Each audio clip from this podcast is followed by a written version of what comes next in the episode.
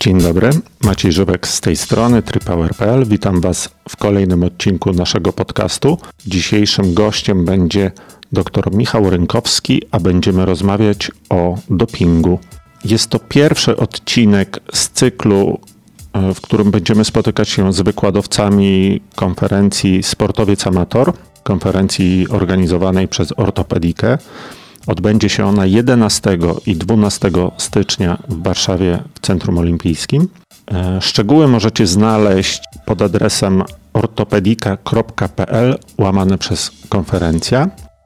A z moim dzisiejszym gościem spotkać się możecie podczas konferencji drugiego jej dnia, czyli 12 stycznia o godzinie 9 gdzie będzie mówił o dopingu w sporcie amatorskim. Więc jeżeli nasuną Wam się jakieś pytania, to oczywiście zapraszam.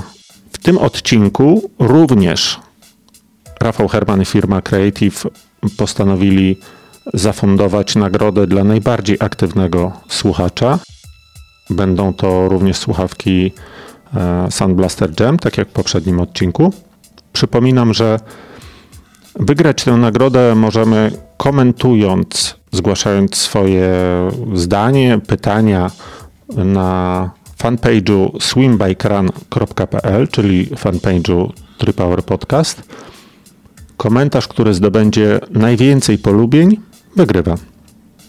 Zasady są dość proste. Pamiętajmy tylko, że ze względów takich logistycznych, żeby ogarnąć w ogóle temat, w konkursie biorą tylko udział komentarze, które są pod postem dotyczącym tego odcinka na fanpage'u swimbikeRun.pl.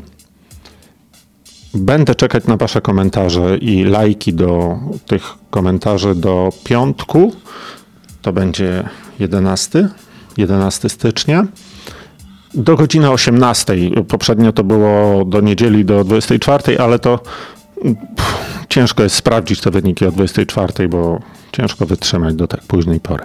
Więc tym razem piątek, 11 stycznia, godzina 18. Gratuluję zwycięzcy pierwszej nagrody, Paweł Mitruś. Paweł jeńców na zawodach nie bierze i tym razem też, też nie, nie ustąpił swojej rywalce. Wygrał z nią zaledwie dwoma lajkami, ale jednak wygrał. Gratuluję Paweł i zapraszam do wysłuchania odcinka.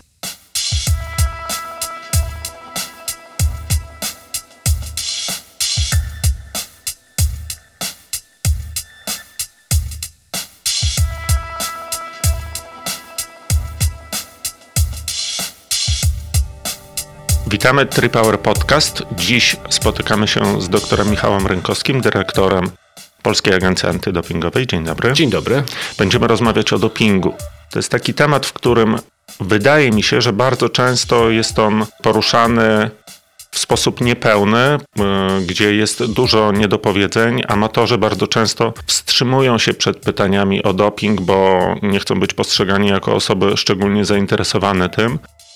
E, trenerzy czy guru, opiekunowie, jakieś takie źródła wiedzy dla nich dostępne bardzo często podchodzą do tematu albo w sposób e, no, nie interesuj się tym za bardzo, albo czemu się interesujesz. To często powoduje, że w naszej głowie instalują się takie półprawdy czy miejskie legendy. Postanowiłem więc sprawdzić u źródła wiele z tych informacji. Na potrzeby programu przyjmiemy sobie taką formułę, że e, przychodzi amator do doktora. E, obejrzałem kilka filmów na YouTubie, obejrzałem film Ikar, przeczytałem książkę Hamiltona, więc ja wszystko wiem. Mhm. Wszystko wiem już. Tak I, jest. E, no i prawie, że będziemy rozmawiać jak równy z równym. To oczywiście żart, bo myślę, że sporo tych moich przekonań może lec w gruzach. No przede wszystkim rzeczywiście, e, zwłaszcza jeżeli chodzi o sport, sport amatorski, ale nie tylko, tak, no bo cóż, to przeświadczenie o tym, że już się dużo wie na temat dopingu i jego stosowania też wynika z tego, z doświadczeń, które płyną ze sportu wyczynowego, no bo jakby nie patrzeć, to sport wyczynowy jest tym motorem innowacji też, e, może tak z przekąsem e, w kontekście nielegalnego wspomagania farmakologicznego. Natomiast cóż, dużo się mówi o pozytywnych aspektach stosowania stosowania dopingu, ale często przemilcza się te negatywne. I tutaj, jeżeli chodzi o sport wyczyn, amatorski, przepraszam, jest to szczególnie widoczne, dlatego że dzisiaj stosowanie, czy w ogóle doping y, wśród amatorów, czy stosowanie nielegalnego wspomagania stało się pewnym biznesem który, bardzo dochodowym, y, na którym zarabiają i y, różnego, różnego rodzaju struktury mafijne, no jak powiedzmy, że też różnego, różni producenci odżywek, chociażby, którzy też czasami dodają różnego rodzaju substancje zabronione do swoich produktów. Więc rzeczywiście stało się to poważnym, e, poważnym biznesem. No właśnie. Y, tu miałbym swoje pierwsze pytanie, a w zasadzie drugie nasunęło się w związku z tym, co pan powiedział. Pierwsze to jest takie, że pamiętam e, taką wypowiedź doktora Ferrariego, czyli włoskiego lekarza, który zajmował się między innymi Armstrongiem, że EPO jest równie groźny jak sok pomarańczowy. I w pewien sposób do mnie taka wypowiedź prze, y, przemawia, dlatego że EPO stosujemy między innymi w leczeniu nowotworów, prawda, kiedy organizm jest bardzo osłabiony i to EPO ma nas doprowadzić do bardziej naturalnego stanu i tu by się to zgadzało, no bo przecież sportowy też jest osłabiony, anemia sportowa i tak dalej, podciągnijmy mu te czerwone krwinki, no EPO się tutaj jakby mhm. idealnie nadaje, oczywiście w rozsądnych granicach, ale wydawałoby się, że jest prawie lekiem.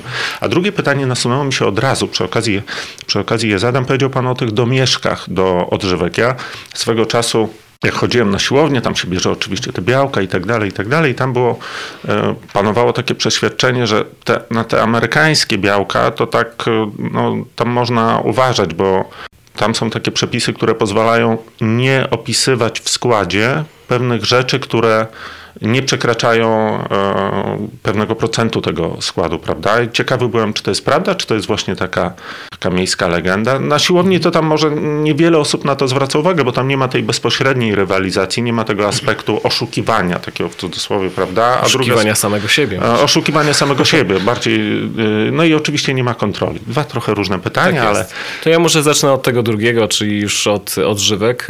No to nie jest do końca tak, że to tylko problem dotyczy dotyczy amerykańskich odżywek, to dotyczy e, rynku odżywek w ogóle, w tym kontekście, że e, w dużej mierze te produkty, które u nas znajdują się na rynku i w tym legalnym, nielegalnym obrocie, e, one wprowadzane są na ten rynek bez większej kontroli. W tym znaczeniu, że główny inspektor sanitarny ma bardzo ograniczone możliwości i analizowania tych preparatów, ich weryfikacji, co powoduje, że mm, tak jak powiedziałem, wiele tych tych produktów jest y, niesprawdzanych, y, no, co może prowadzić do różnego rodzaju później y, konsekwencji zdrowotnych, czy zdarzają się na, na przykład przypadki e, preparatów zawierających e, substancje aktywne będące produktami leczniczymi, czyli lekami, które w ogóle nie powinny znajdować się w tego rodzaju preparatach. Co więcej, w odżywkach często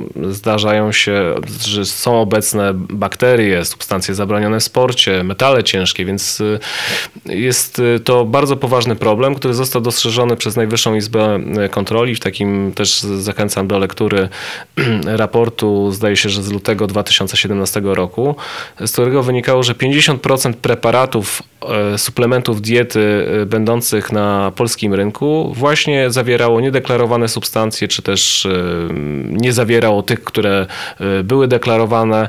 Jak je rozróżnić w takim razie? No wchodzimy do sklepu i to wszystko takie same na półce. No prawda jest taka, że dzisiaj, jeżeli coś jest suplementem diety, nie oznacza to, że jest Y, to produkt odpowiedniej jakości. Nie jest to produkt, który został odpowiednio skontrolowany. Tak naprawdę Tak samo mamy do czynienia z fałszowaniem żywności. Też się zdarzają takie przypadki, więc tutaj niczym się to nie różni. I e, producenci w sposób, niektórzy oczywiście, w sposób e, niewłaściwy, nielegalny wykorzystują pewną lukę w przepisach, e, czy też słabość organów państwowych do tego, żeby, e, żeby robić dobry biznes na tym.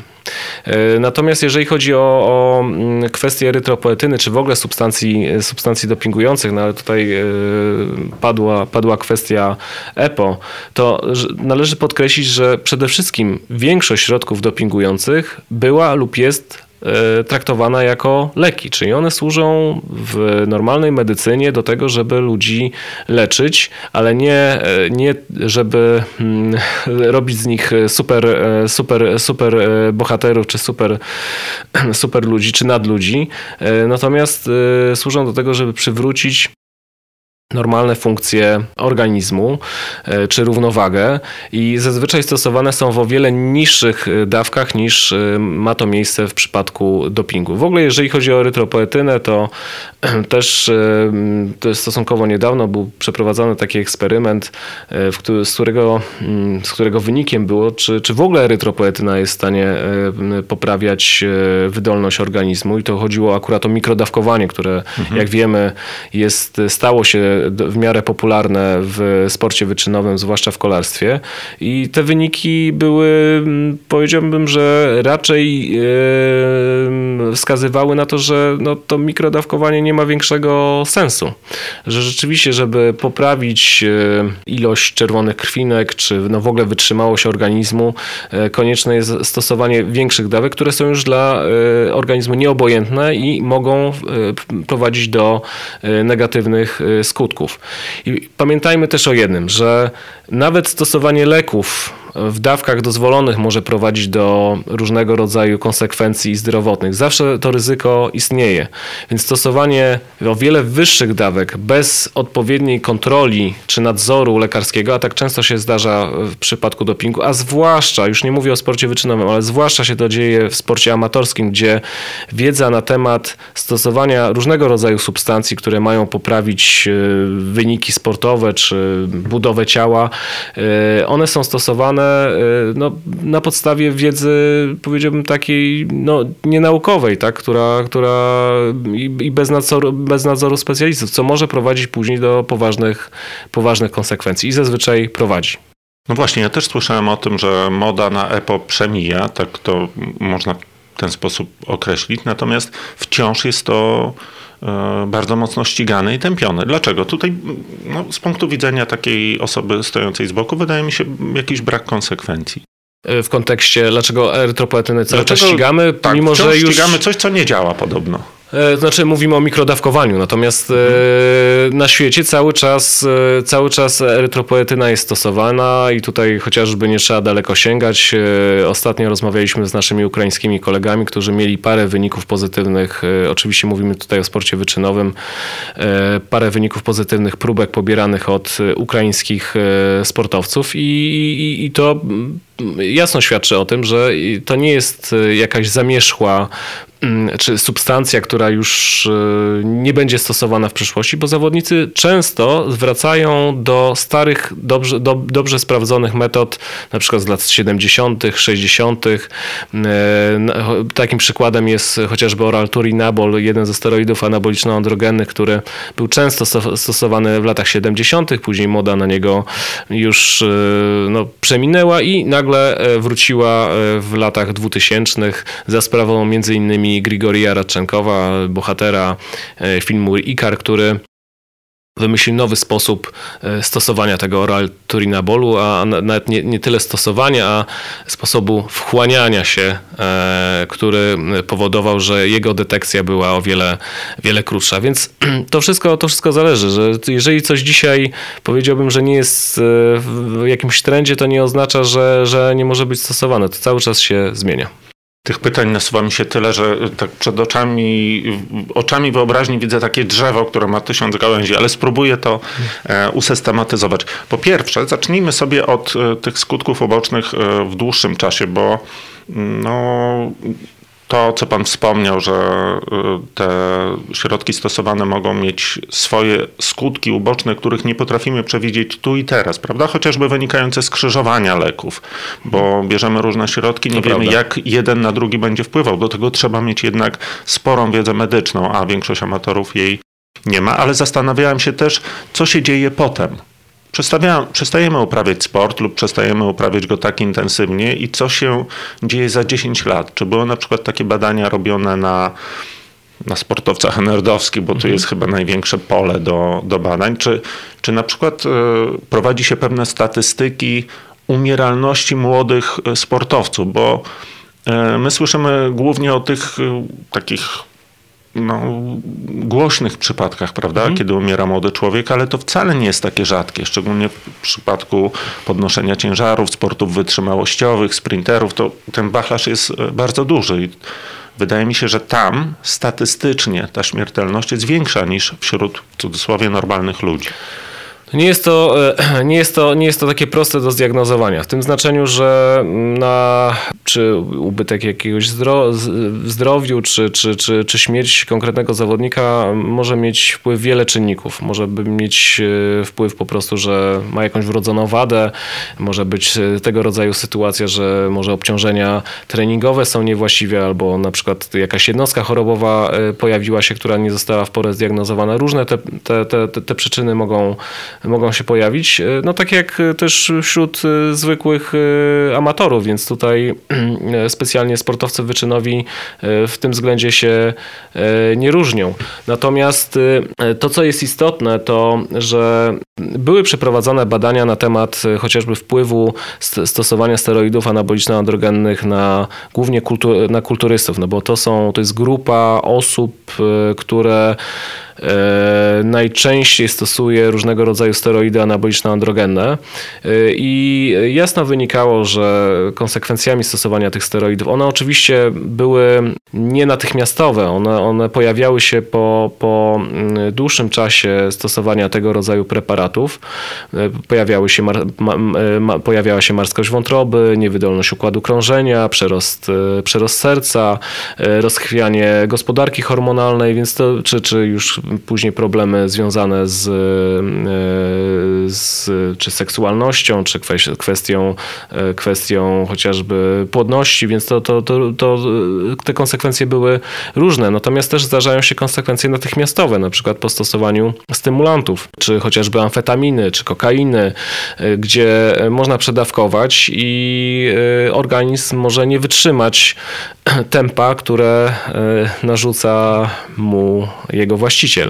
Więc e, no, tu oczywiście to, to, jest, to jest złożona sprawa i, i czasami trudno jest jednoznacznie stwierdzić, czy, czy tylko i wyłącznie, bym powiedział, e, stosowanie substancji zabronionych miało wpływ na negatywny na, na, na śmierć, e, czy przyczyniło się do śmierci zawodniku, zawodnika, ale często jest łatwo stwierdzić, że miało wpływ, tak, czyli miało swój, swój udział. I też jeżeli chodzi o naukę, problem polega na tym, że trudno jest stwierdzić, jak będą reagowały e, więcej niż trzy substancje ze sobą. Czyli mhm. farmakokinetycy specjalnie już, już mają problem, jeżeli stosuje się trzy substancje równo równocześnie, to już pojawia się tyle różnego rodzaju krzyżowych relacji pomiędzy stosowaniem tych preparatów, że ciężko jest e, no, dochodzić do jakichś jednoznacznych wniosków, a na przykład niektórzy zawodnicy stosują 11 preparatów, 15 preparatów równocześnie, to jak my możemy mówić... To w zasadzie nic nie jedzą oprócz tego.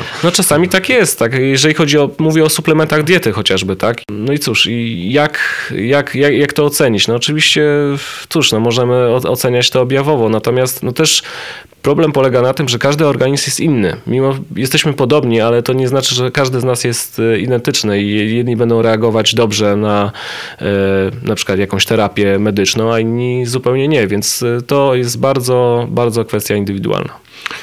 Ciekawy wątek tych, tej amfetaminy czy różnego rodzaju dopalacze, bo ja kiedyś słyszałem z takich opowieści z karetki, możemy tak to nazwać, że duży przypadek tych zasłabnięć, czy nawet zejść na imprezach sportowych typu biegi i tak dalej, to są młodzi ludzie, którzy nieszczególnie trenowali do tego biegu, ale się zapisali, bo zapisali się znajomi albo postanowili podjąć wyzwanie, natomiast podeszli do nich w podobny sposób jak do egzaminów, czyli mm, jakaś taka nieduża kreseczka na, dla kurażu albo jakieś dopalacze i przy Egzamin to jest jednak trochę inna specyfika niż wysiłek fizyczny i to się właśnie często kończy, e, często kończy w ten sposób z takich doraźnych środków. To prawda, też był jeden przypadek śmiertelny odnotowany po stosowaniu akurat metylohistanaminy. To jest e, też e, substancja traktowana jako dopalacz, jako środek zastępczy. E, to akurat miało miejsce podczas jednego z maratonów w Londynie, gdzie no, kobieta, która stosowała odżywkę, preparat taki przedstartowy, właśnie który miał ją pobudzić do tego, do, do, do większego wysiłku, no niestety okazał się e, no, dla niej zgubny i na tyle zgubny, że to wszystko zakończyło się śmiercią. Mhm, trzeba uważać. Albo nie stosować. Nie stosować. To znaczy, tak. trzeba oczywiście, e, e, jeżeli, znaczy też Problem odżywek polega na tym, że wiele z tych preparatów, które mają charakter stymulujący, zawiera właśnie różnego rodzaju dopalacze. Mhm. I, te, I, tak naprawdę. Nawet takie preparaty stojące na półkach w sklepach z tak. suplementami? Tak. Tak, o, tak izomery, ciekawe, izomery, amfetaminy. To jest też takie... Ja z punktu widzenia klienta zawsze myślałem sobie, że to są rzeczy bezpieczne i mogę je spokojnie stosować. Nie pójdę do sklepu z dopalaczami, tam nie wezmę szalonej tam kozy czy czegokolwiek, prawda, jakkolwiek te nazwy brzmią. Natomiast kiedy wchodzę do sklepu z odżywkami sportowymi, to czuję się bezpiecznie. No niestety właśnie, jeżeli chodzi o odżywki, nie możemy mówić, że jest to w 100% bezpieczne. Jest 100% bezpieczne. Oczywiście są e, producenci, którzy się szanują i nigdy nie mm, pokuszą się o to, żeby e, w jakiś sposób wzbogacać, tak to nazwijmy, swoje, e, swoje produkty.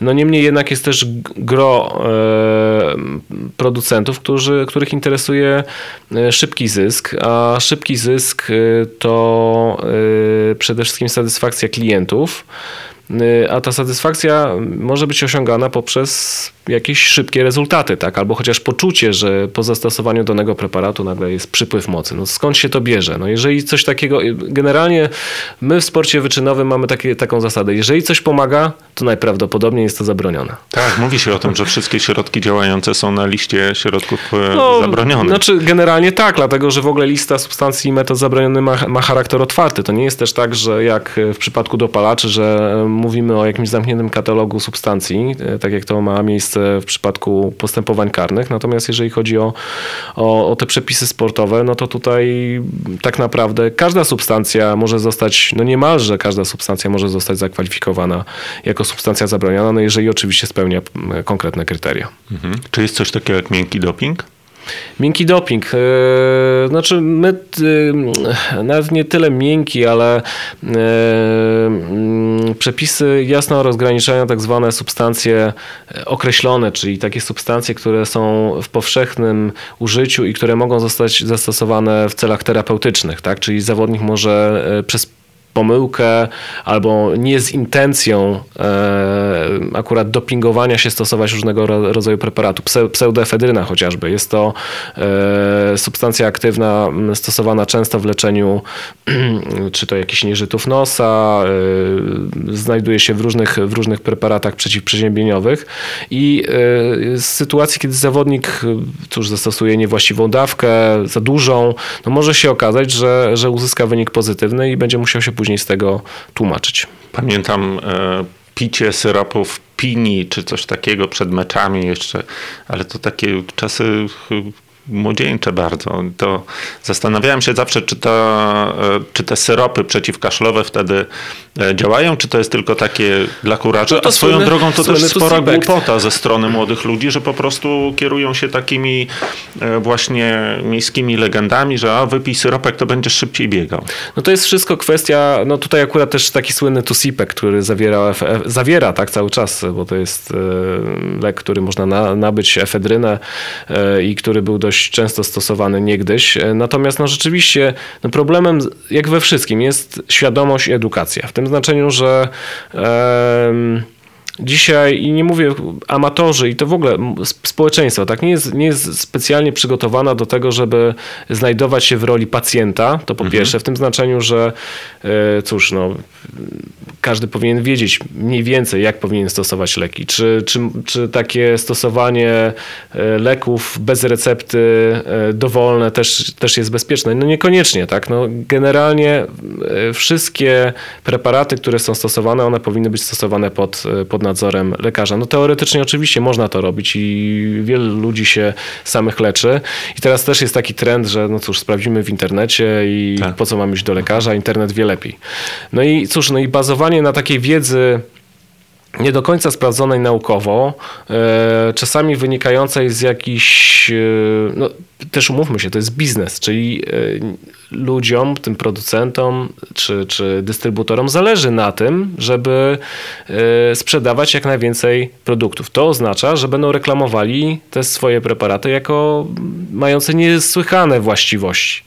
Więc konsumenci, pacjenci, sportowcy, amatorzy no, powinni być wyjątkowo uczuleni w tym zakresie i powinni być po prostu ostrożni, dlatego że mogą wyrządzać sobie krzywdę albo mogą przyjmować coś, co zupełnie jest im niepotrzebne. Mhm. A, przy, czyli mogą przyjmować placebo i tylko przez to przyjmowanie może rzeczywiście czują się lepiej, natomiast no przede wszystkim lepiej się czuje ten producent, który na tym zarabia. Tak, ja myślę w ogóle, takie mam wrażenie, że sporo przepisów antydopingowych, szczególnie w odniesieniu do amatorów, to jest taki sposób na odebranie małpy, małpie brzytwy i trzeba sobie przyjąć to do wiadomości, że my jednak jesteśmy taką małpą z brzytwą, że jesteśmy dość podatni na różne informacje e, takie marketingowe, reklamowe, chociażby to, co wspominałem niedawno, że wchodząc do sklepu sportowego czuję się bezpiecznie, że tu nikt mi krzywdy nie zrobi, a okazuje się, że może być różnie. No właśnie, a idąc dalej tym wątkiem, jest e, no, w tym roku myślę, że, że na początku tego roku, przynajmniej w triatlonie, bardzo modny był temat e, różnego rodzaju wlewów, które e, oferowano sportowcom amatorom. Tam między innymi, wiadomo, że w sporcie zawodowym jest to zabronione, czy w sporcie wyczynowym. E, argumentowano to też, że to w zasadzie jest tylko w sporcie wyczynowym zabronione, natomiast u amatorów to taki zdrowy koktajl dobrze zrobi. No tak, uśmiecham się w tym znaczeniu, że Problem wlewów jest coraz bardziej powszechny, w tym znaczeniu, że kroplówki witaminowe, jak to pięknie się promuje. A że brzmi tak zdrowo. Tak, tak. Pojawia no się no, obraz owoców tak, i warzyw. Tak, od razu widzę jakiegoś soczystego ananasa, jabłuszko, tak właśnie, który e, jest narysowany na, na, na tym pojemniczku z, z kroplówką i z, będę mógł sobie go przyjmować i to będzie samo zdrowie. No to jest, to jest zabieg medyczny, to po pierwsze, więc jeżeli jest wykonywany, no to on powinien być wykonywany e, ze względów medycznych, czyli lekarz powinien o tym zadecydować. W normalnym życiu życiu, to znaczy powiedziałbym w normalnych okolicznościach, nawet przy, jeżeli się trenuje sport amatorsko, no to żeby nawodnić organizm, czy żeby przyswoić jakieś witaminy, no to wystarczy odpowiednia dieta i też e, no, odpowiednie podejście do, do nawadniania się, tak? Przyjmowanie elektrolitów, czy już naturalnych, można samemu zrobić elektrolit, czy to wziąć sok z jabłka, e, trochę cytryny, trochę cukru, czy soli i dodać do, e, z wodą i to wypić. No można oczywiście kupić na, na, na, na rynku różnego rodzaju już gotowe preparaty. Natomiast no, to jest to jest coś sztucznego, tak? To nie jest naturalne, że no, ja nie widziałem zwierząt na przykład, które, które mm, po, czy, czy gepardy raczej kroplówek po biegu e, nie stosują, więc e, nie jest to, nie jest to, rzecz, e, nie jest to rzecz normalna i zazwyczaj jest w medycynie stosowana w, no już w takich powiedziałbym, że dość może nie skrajnych przypadkach, no ale no, w, w, w przypadkach terapeutycznych.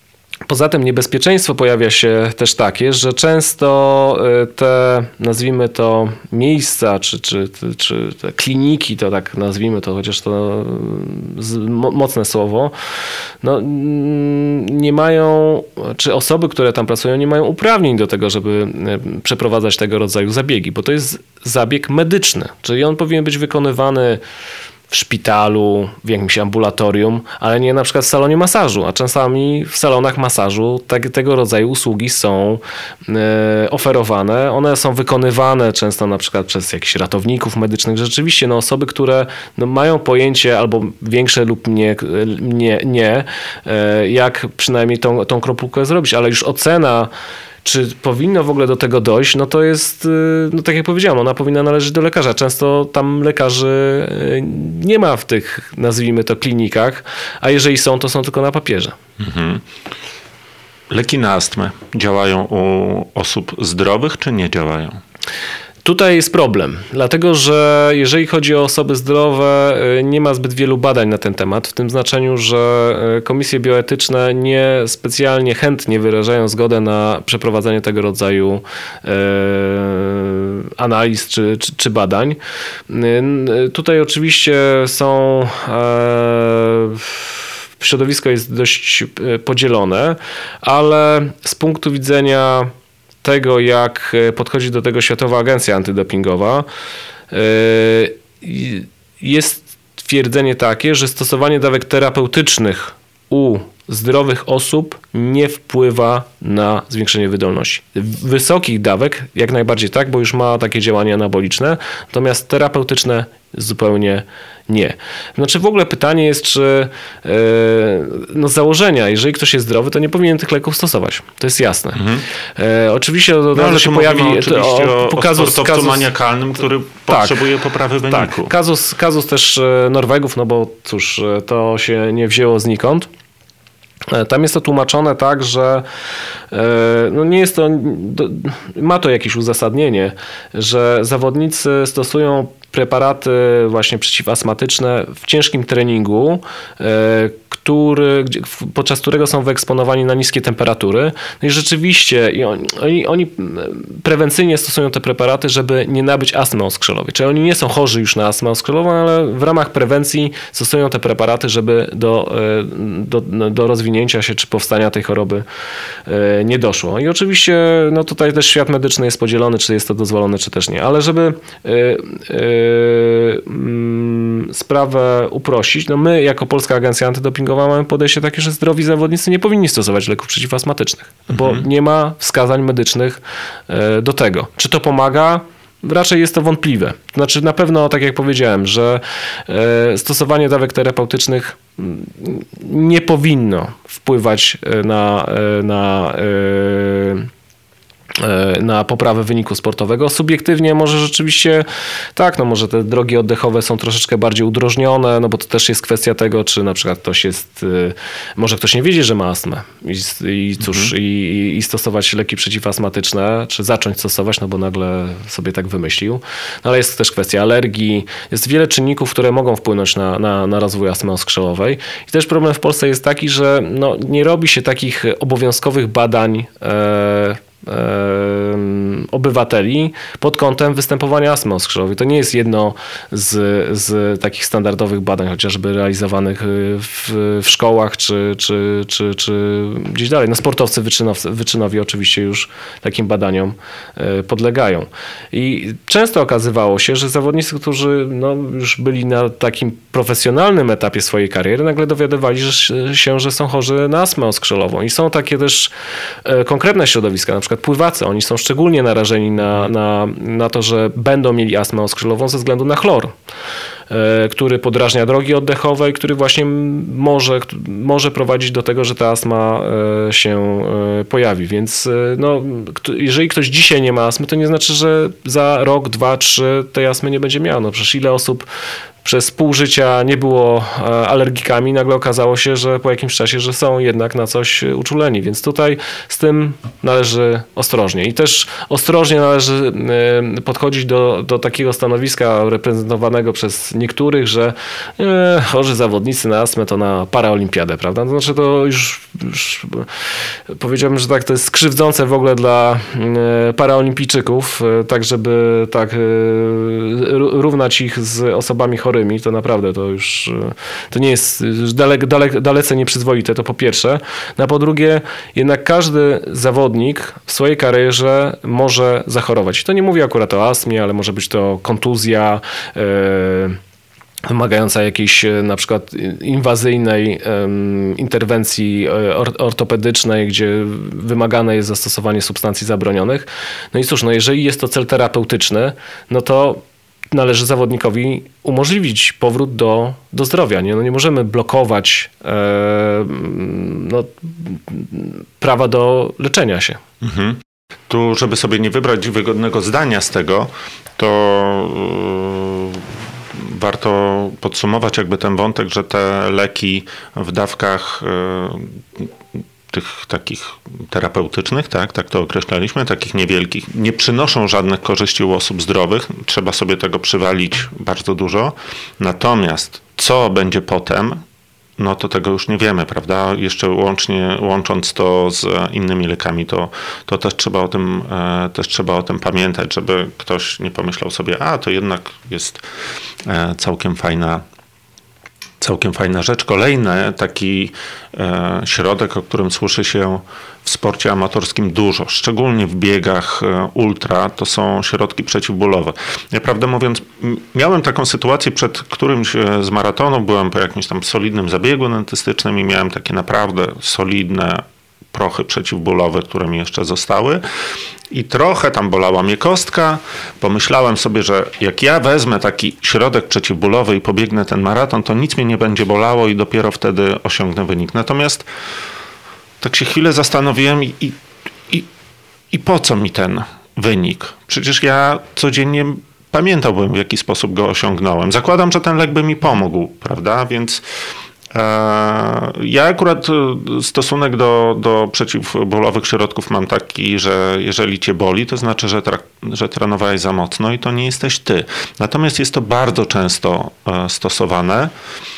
Potrafi to jakoś usprawiedliwić, kiedy ktoś przed startem sobie nogę zwichnął i postanowił, że trochę ten ból e, kostki przytłumi. Natomiast e, to, co się dzieje, e, czyli branie leków przeciwbólowych zapobiegawczo na bieg, bo to trochę nam przytępi ten jeden z czynników, które nas wyhamowują. Co pan o tym myśli? Przede wszystkim, takie, czy to jest doping, czy to nie jest doping? Znaczy oczywiście to, to, to zależy od... Generalnie leki przeciwbólowe są dozwolone, tak? Więc tutaj e, ich stosowanie nie wiąże Garściami? Się, no nie, garści, znaczy nawet garściami, tak? Tylko pytanie jest inne. Tu mówimy o kwestii już e, też pewnej świadomości. E, jakby nie patrzeć, jeżeli ból jest taką naturalną takim sygnałem alarmowym organizmu, jeżeli e, coś dzieje się nie tak. Czyli jeżeli mamy do czynienia z, z przetrenowaniem, jakąś kontuzją i sztuczne mm, zabijanie tego sygnału no może prowadzić do pogłębienia się kontuzji, jeżeli już jakaś jest, e, tak, czyli coś czujemy, że się, że się dzieje nie tak, no albo, albo później już do jakichś też, e, też poważniejszych konsekwencji, już nie mówimy na przykład o, nie wiem, o jakiejś rzepce czy, czy, czy, czy jakichś problemach ortopedycznych, ale na przykład właśnie e, czy o, bólach e, w klatce piersiowej, które mogą, mogą świadczyć o jakiejś niewydolności e, układu krążenia. I sztuczne zmniejszanie czy próba niwelowania tego bólu no może prowadzić do, do, do, do dość poważnych konsekwencji. Nie jest to na pewno nie jest to na pewno rozsądne w tym znaczeniu, że można sobie zrobić poważną krzywdę, natomiast no wiadomo, ludzie, niektórzy ludzie są w stanie zrobić wszystko po to, żeby uzyskać lepszy wynik, żeby spełnić jakieś swoje ambicje. E, czasami jest to oczywiście związane z jakimś podłożem e, finansowym, czy też chęcią zaistnienia w grupie, tak, czy pokazania się z tej lepszej strony, że jestem taki cudowny, super i mam takie rewelacyjne wyniki. Natomiast, no cóż, no nie jest to specjalnie zbieżne z kubernet, kubernetowską ideą olimpizmu, gdzie no jednak ten udział jest y, istotniejszy, no ale tutaj może te ideały olimpijskie w dzisiejszym świecie, zwłaszcza jeżeli chodzi o sport amatorski, no to niespecjalnie one są, czy znajdują e, realne, e, realne zastosowanie, niestety.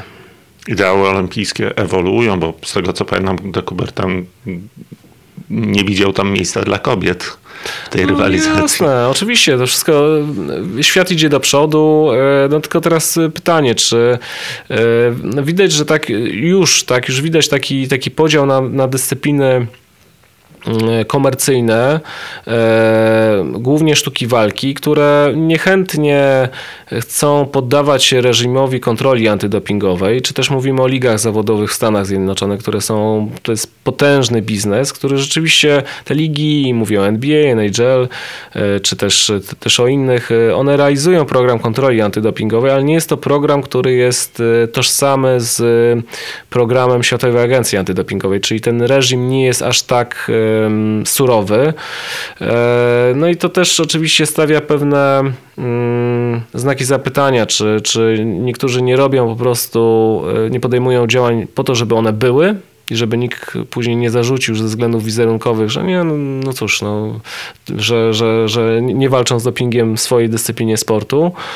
E, no czy też e, podejmowanie realnych działań na rzecz e, sportowców, no bo przede wszystkim tym wszystkim chodzi o sportowców. To nie chodzi no ideały i ideały e, uczciwej rywalizacji sportowej, bo jakby nie patrzeć, osoba, która stosuje doping, która w sposób nieuczciwy mm, wygrywa tylko podkreślę, jeżeli jej konkurenci są uczciwi, z tymi uczciwymi, no to ich oszukuje. Dopuszcza się mhm. oszustwa takiego samego, jakby ktoś okradł nas z pieniędzy, samochodu, e, czy, czy, czy, czy cóż, no jeszcze, jeszcze z, z, z, z dóbr osobistych, tak? No w tym znaczeniu, że jakby nie patrzeć, osiągnięcie wyniku sportowego to też jest, e, no bycie pierwszym a drugim to jest duża różnica. Tak. Być złotym medalistą Igrzysk Olimpijskich, a być srebrnym, to ma przełożenie i na sponsorów, ma e, przełożenie na, na później postrzeganie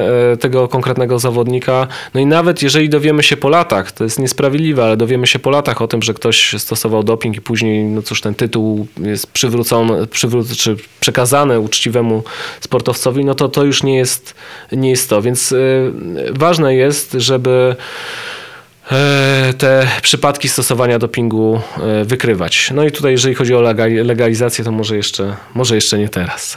Rozumiem. A, a swoją drogą, czy e, doping będzie podlegał penalizacji w przyszłym roku w Polsce, tak jak jest to w, we Francji na przykład, że będziemy podlegać również pod kodeks karny? Znaczy w Polsce jest pewne, pewne czyny e, dopingowe są penalizowane, czyli podawanie substancji zabronionych jest penalizowane, tak samo handel substancjami zabronionymi, obrót nimi e, także jest penalizowany i tutaj karą, która grozi osobom uczestniczących w tych procederach są, jest kara do trzech lat pozbawienia wolności, natomiast nie jest karane stosowanie substancji zabronionych, czyli yy, tak jak to ma miejsce chociażby w Niemczech, bo też tam stosowanie dopingu jako takiego jest e, karane e, zgodnie z przepisami e, karnymi. Natomiast w naszej ocenie nie jest to mm, system specjalnie efektywny, dlatego że uznajemy, że czy, czy realizacja odpowiedzialności dyscyplinarnej, która może zakończyć się czterema latami dyskwalifikacji za pierwsze naruszenie przepisów antydopingowych jest skuteczniejsza w tym znaczeniu, że taka osoba, która mm, jest e, skazana tą karą, nie może uczestniczyć w życiu sportowym w ogóle, nie mhm. może uczestniczyć w zawodach, e, nie może uczestniczyć w treningach klubowych i to w ramach swojej dyscypliny sportu, jak i innych dyscyplin, które podlegają przepisom antydopingowym Światowym, e, Światowej Agencji Antydopingowej. Więc jest to kara dotkliwa i to się oczywiście wiąże też z konsekwencjami finansowymi, bo nie można pobierać stypendium, bo nagle sponsorzy się odwracają i tak dalej, i tak dalej.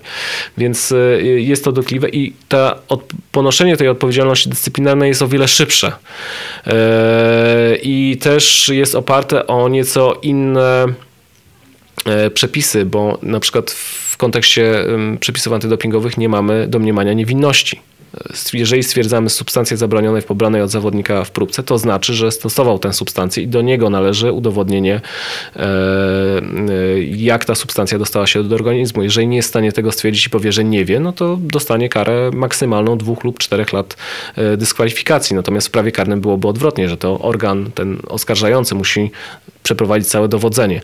I też niebezpieczne jest to, że jeżeli stosujemy reżim karny do, do, do przepisów sportowych, czy, czy już tutaj w tym kontekście do e, stosowania substancji zabronionych, że wynik dwóch postępowań może być zgoła różny w postępowaniu karnym ze względu na inny charakter w ogóle tej procedury karnej zawodnik może zostać uniewinniony albo skazany na przykład na grzywnę, a w procedurze dyscyplinarnej na 4 lata dyskwalifikacji. No i jaki mamy później e, obraz tego, jak wytłumaczyć społeczeństwu, że cóż, no, w postępowaniu karnym grzywna albo uniewinnienie, albo na przykład kara w zawieszeniu, a tutaj 4 lata dyskwalifikacji. Więc to nie jest, e, to jest, to jest niebezpieczne. E, to jest niebezpieczne. Poza tym postępowania karne jednak trwają długo. Mhm. Już dawno zawodnik pewnie może wrócić do rywalizacji i dopiero zostanie skazany. I, no a, a w sporcie wszystko musi się dziać szybko. Tak. Trudny temat. Co pan myśli o takich filmach e, na YouTubie czy o Ikarze? Ja widziałem e, takich filmach, których zawodnik poddaje się, najczęściej to jest mikrodawkowanie EPO, e, w dodatku jeszcze zapowiada, że będzie to robił, będzie się poddawał kontrolom dopingowym, które udaje mu się wszystkie ominąć, czyli takie filmy, które pokazują nieskuteczność systemu. Ja też widziałem taki film jakiś francuski chyba na YouTubie, w którym taki typowy age grouper y, biegał 800 chyba na bieżni. E, postanowił brać środki dopingowe, z czego nie pamiętam dokładnie, co on brał y, w tej chwili, ale straszny komunikat na koniec był taki, że nie dość, że poprawił wyniki, to czuł się jeszcze lepiej w pracy, był bardziej efektywny, bardziej wypoczęty i tak dalej. Czyli takie filmy, które z jednej strony mają troszkę ten doping piętnować, czy ich wydźwięk nie jest jednak promocją dopingu? No jest oczywiście, że jest promocją. No, taki, no, znaczy one, mm, jeżeli chodzi o Ikara akurat, to mogę się odnieść, tak? To znaczy to było przedstawienie w sposób bardzo sfabularyzowany, no ale jednak pewnego problemu, pewnego, no to akurat e, najpierw się zaczęło od, od e, e, tego, jak skutecznie się dopingować, bo główny bohater najpierw zaczął współpracę z Grigorijem Radczenko, który był wtedy szefem laboratorium w Moskwie, no a później ta sprawa już się ewoluowała i stricte film, czy, czy ten paradokument dotyczył sytuacji e, dopingu e, w Rosji, jego skali, kwestii korupcyjnych itd., tak itd. Tak no i też pokazał, niewątpliwie pokazał słabość światowego systemu antydopingowego w tym względzie, że pokazał, że E, Światowa Agencja Antydopingowa powinna pełnić bardziej ścisły nadzór e, nad narodowymi agencjami antydopingowymi, federacjami międzynarodowymi i też laboratoriami, laboratoriami akredytowanymi no, przez, przez nią samą. E, I na pewno niektóre, niektóre z tych filmów mają taki wydźwięk, że no cóż, no ale tak naprawdę to czym ryzykujemy? Może warto faktycznie, faktycznie to robić. Natomiast cóż, Przede wszystkim, tak jak powiedziałem, jest to, jest to forma oszustwa i jeżeli ludzie dobrze się czują z tym, że oszukują innych, no to, to po pierwsze nie jest zbyt, zbyt zadowalające. Oczywiście no, żyjemy w świecie, który nie jest czarno-biały, a jest dużo odcieni e, szarości i e, czasami ciężko jest ocenić, co jest, e, co jest dobre, a co, a, co złe. No niemniej jednak no to jest jeden aspekt etyczny. Drugi aspekt to jest aspekt zdrowotny. No może ci osoby stosujące dzisiaj czują się cudownie, mają wspaniałe wyniki, natomiast pytanie, co będzie się działo za, za parę lat, czy doczekają spokojnej starości, no może tak wcale koniecznie e, nie być. No w ogóle też takie bez powiedziałbym refleksyjne podejście do przyjmowania różnych e, leków czy, czy, czy mm, substancji dopingujących, no cóż, no nie jest, no może prowadzić później do, do poważnych konsekwencji. I ostatnia kwestia. Jeżeli już ktoś przyjmuje substancje zabronione, często się zdarza tak, że są to substancje pochodzące z czarnego rynku. Tak, tak, szczególnie w tych filmach to są jakieś rzeczy sprowadzane gdzieś tam z chińskich serwisów Dokładnie, aukcyjnych. dokładnie Przecież tak. tam torebka przez... przychodzi podrobiona. Oczywiście, dopiero... dokładnie, dokładnie tak. I pytanie, co te osoby tak naprawdę przyjmują? Tak. Czy te preparaty nie zawierają właśnie jakichś substancji toksycznych, e, a często to, mówmy się, to są, to są albo preparaty... 200% cukru w cukrze, żeby al, działało Albo lepiej. dawki o wiele większe niż deklarowane, które mogą za, zaszkodzić, albo nie ma tej substancji aktywnej, albo właśnie jest zupełnie coś innego, albo mogą być bakterie. No i ktoś, no niech ktoś sobie właśnie y, zrobi iniekcję, czyli zastrzyk z, z, z substancji, która y, jest niebezpieczna dla zdrowia. No i, i to jest niebezpieczne, to jest niebezpieczne, bo tak naprawdę nikt dzisiaj, jeżeli się kupuje e, preparaty na, e, na czarnym rynku, e, no to nikt nie zagwarantuje jakości tych preparatów. Nikt. Mhm. Nikt. I nie wiadomo, co tak naprawdę te osoby przyjmują. To prawda. To, I to jest chyba najgorsze z tego wszystkiego, coś, co powinno dać najbardziej do, do myślenia. Bo takie efekty uboczne, od, odwle, odwleczone w czasie, to jasne, wiadomo, tam. Jasne, to nie przemawia. To nie się przemawia. psują i, jasne, tak wszyscy To nie przemawia, to nie tak. przemawia do świadomości specjalnej. To może, to może zadziałać od razu. Swego czasu była taka dyskusja czy wprowadzić testy antydopingowe na zawodach triatlonowych w Polsce. Wiem, że Polada też chyba jakoś uczestniczyła mhm. tak. w postaci chociażby opisania procesu, jak to wygląda. Konkluzja była taka, że to jest strasznie drogie i trudne do wprowadzenia w przypadku zawodów amatorskich. Czy to rzeczywiście jest takie trudne do wprowadzenia i strasznie ja bym drogie? Tak, znaczy tak, y, oczywiście, czy to jest strasznie drogie, to bardzo względna kwestia, natomiast to zaraz do tego wrócę. Natomiast czy to jest trudne do wprowadzenia? Y, z punktu widzenia samej realizacji nie, dlatego że trzeba wprowadzić odpowiednie przepisy do regulaminów które tak funkcjonują w trakcie, w trakcie tych, tych wydarzeń sportowych. Wiele organizatorów biegów masowych zwraca się do e, Polskiej Agencji z prośbą o przeprowadzenie kontroli, przeprowadzenie kontroli antydopingowej. Koszty to zależy, ale koszt to jest około 1000 zł średnio, tak oczywiście 1000 zł już z analizą za, za e, jedną próbkę. Więc e, czy w skali dużej imprezy masowej to dużo? Jeżeli przeprowadzi się trzy badania, to będzie kosztowało 3-4 tysiące e, złotych. W sytuacji, gdzie no jednak zawodnicy jest jakieś wpisowe, no to są sponsorzy zazwyczaj też jacyś, to cóż, no nie są to jakieś ogromne kwoty do tego, żeby o to nie zadbać zadbać, tylko trzeba chcieć. Mhm. Czy są objawy dopingu u e, zawodników?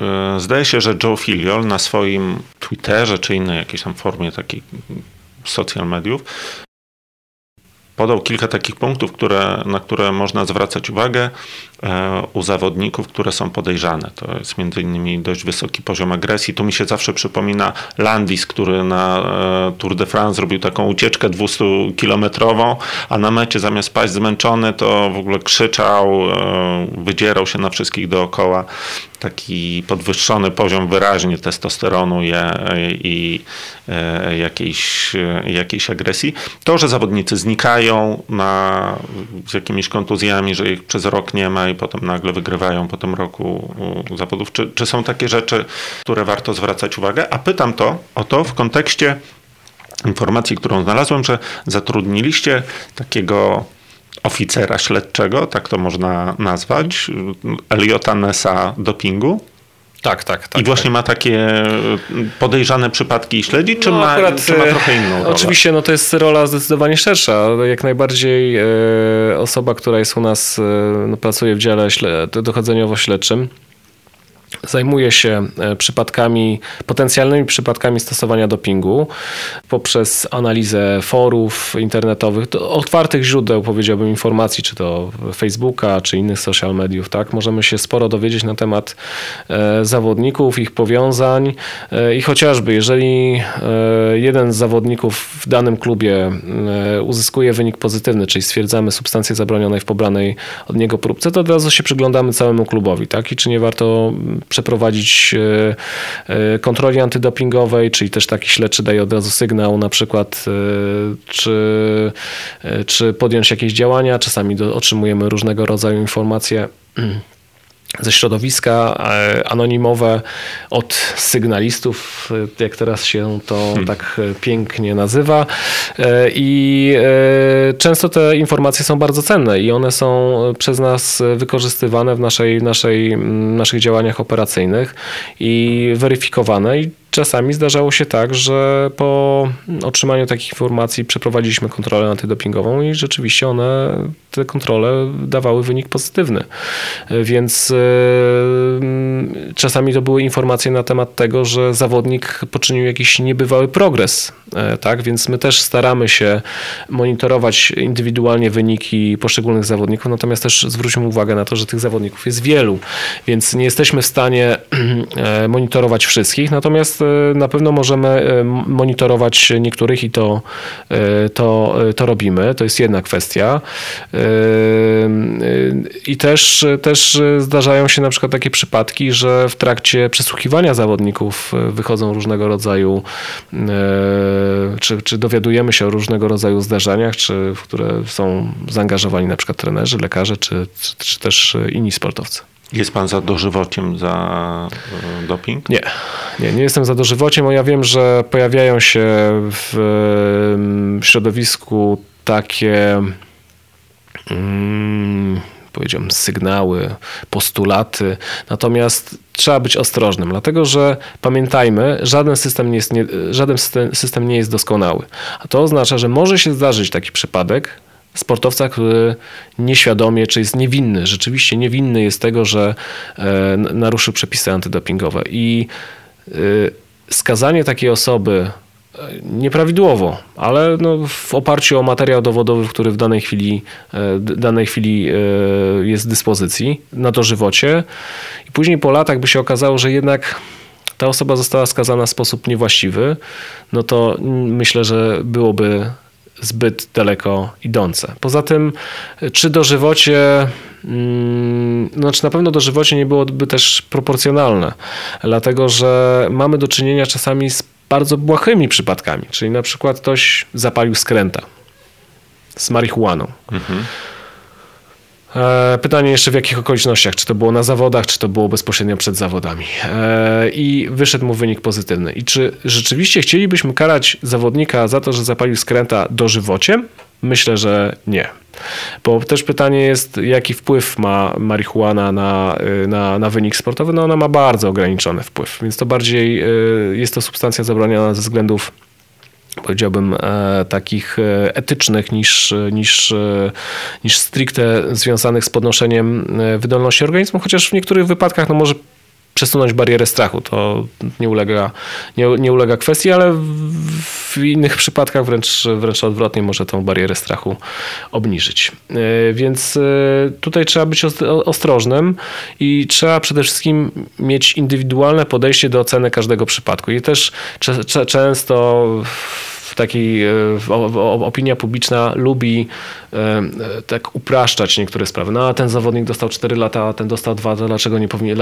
A wydawałoby się, że z pozoru takie same takie same przypadki, tak? Czyli wykryliśmy tą samą substancję. No ale historia tych zawodników jest zupełnie inna na przykład, bo jeden stosował e, nieświadomie i był w stanie to udowodnić, a, a drugi stosował, to znaczy nic nie powiedział. Mhm. Z pozoru substancje te same, ale jakby nie patrzeć, kary, kary inne. Więc zawsze diabeł tkwi w szczegółach i, i, i tutaj upraszczanie e, czy, czy próba takiego, powiedziałbym, generalizowania, no może się, no jest niewłaściwa, jest na pewno niewłaściwa.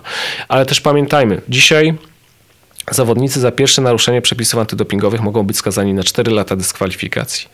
I czasami to oznacza zakończenie kariery. Jeżeli ktoś ma 20 lat i na 4 lata zostanie skazany, przez 4 lata nie będzie mógł e, uprawiać sportu w klubie, no będzie mógł, oczywiście to zależy też od dyscypliny, którą uprawia, ale niektórych dyscyplin nie da się uprawiać e, poza klubem.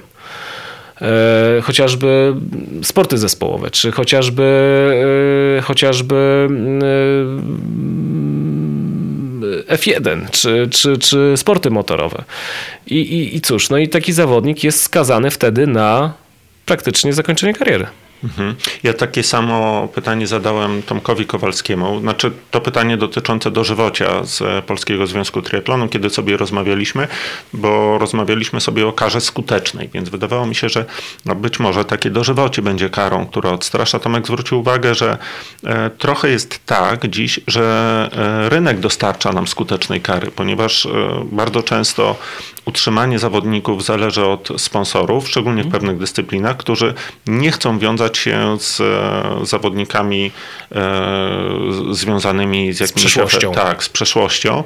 I to powoduje, że to jakby w naturalny sposób, coraz, nawet po powrocie z takiej krótszej kary dopingowej, naturalny sposób ich coraz bardziej odsuwa na boczny tor. Więc e, tak jak wcześniej mówiliśmy o tym, komercyjnym wątku, który psuje trochę sport, a propos tych lig amerykańskich. Ja słyszałem w ogóle, że w amerykańskiej lidze futbolu za pierwsze naruszenie antydopingowe jest jakieś upomnienie, czy tam... Tam czy zazwyczaj, zazwyczaj jest pauzo, pauzowanie, zazwyczaj jest pauzowanie kilku meczów. E, no ale to w każdym razie kara zbyt solidna nie jest, bo te pauzy im się tak. przydadzą, bo oni są i tak ponaciągani i połamani. Czy przypadek e, chociażby drużyny amerykańskiej na igrzyskach w Barcelonie, to o jest tak. w ogóle dla mnie mega skandal. Ale to już się nie, ale to już się nie, nie zdarzy. Tak? To rzeczywiście to było, ten Dream Team e, zastrzegł wtedy, że nie będzie podlegał kontroli antydopingowej, ale te czasy już dawno minęły. Tak? To Coś już, niesamowitego. Już, już to, to nie wróci, to już nie wróci.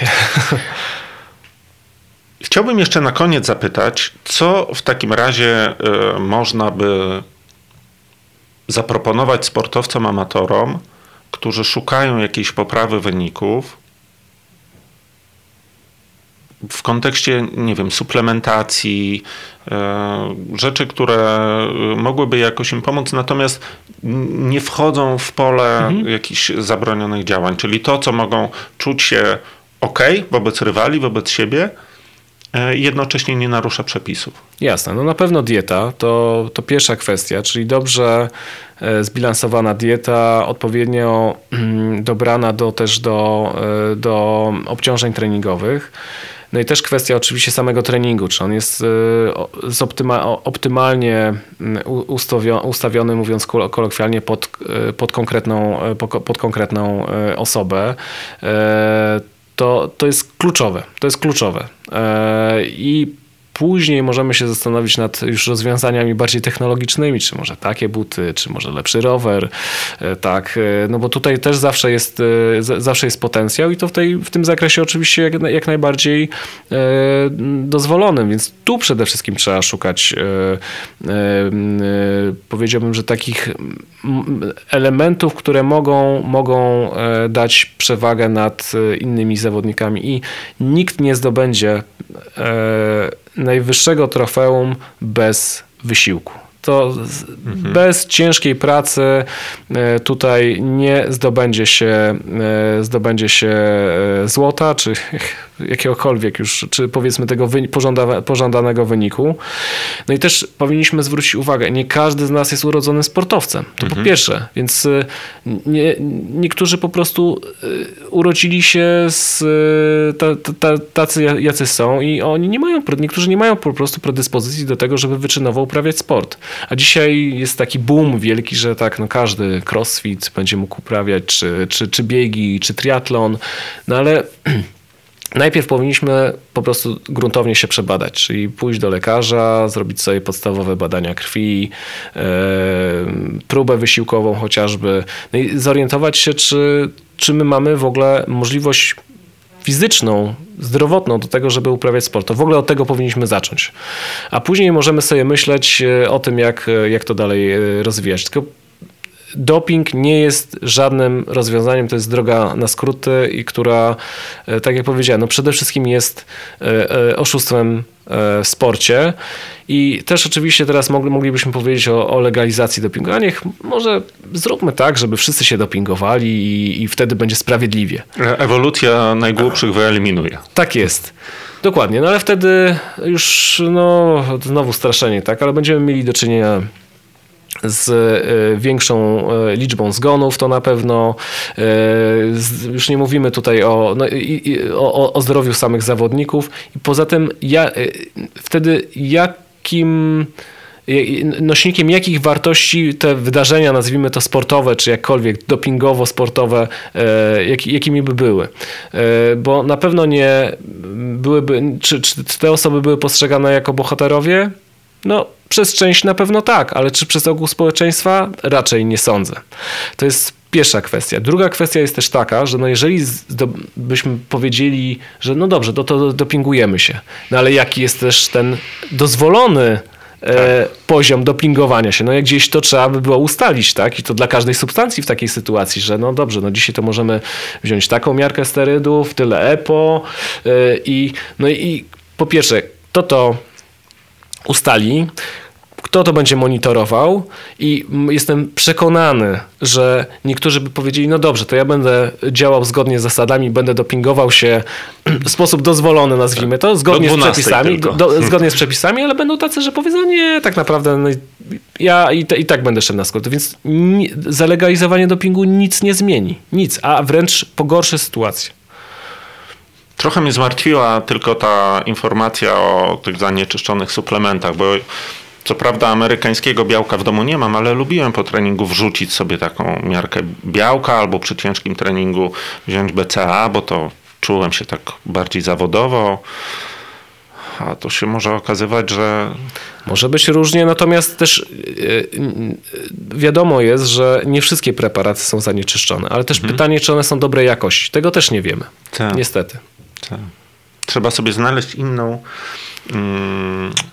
Dieta. Chociaż to, jest, to nie jest to droga. Jest trudne. To jest trudne. To jest trudne. Trzeba mieć na to czas, ktoś musi przygotowywać posiłki, albo trzeba, ktoś, można na rynku kupić tak jakieś, e, powiedzmy taką usługę, że ktoś e, przygotowuje posiłki, ale jest to oczywiście kosztowne. To jest trudne, bo te wszystkie białka i te właśnie suplementy diety, to one są takim e, sposobem na nadrobienie tej diety, na, na jedzenie na szybko, zwykle nie najlepiej, a przecież jeżeli dosypiemy do tego porcję białka, to, to to się robi z tego super wartościowy Ale pytanie, czy, zdro, czy to jest zdrowe też? Pytanie właśnie, czy to jest zdrowe, czy tam nie ma jakiś, e, no bo to też dodatkowo możemy, możemy przyjmować niewłaściwie też to białko, tak? Ale może to być jakieś marnej jakości białko, które obciąża nam też e, chociażby nerki, prawda? I no w ogóle cały i układ trawienny i tak dalej. No pytanie, no, no pytanie, czy to jest rzeczywiście konieczne. No właśnie, bo wydawało mi się do tej pory, że ta kontrola nad tym jest e, dużo większa. I kiedy wybiorę sobie białko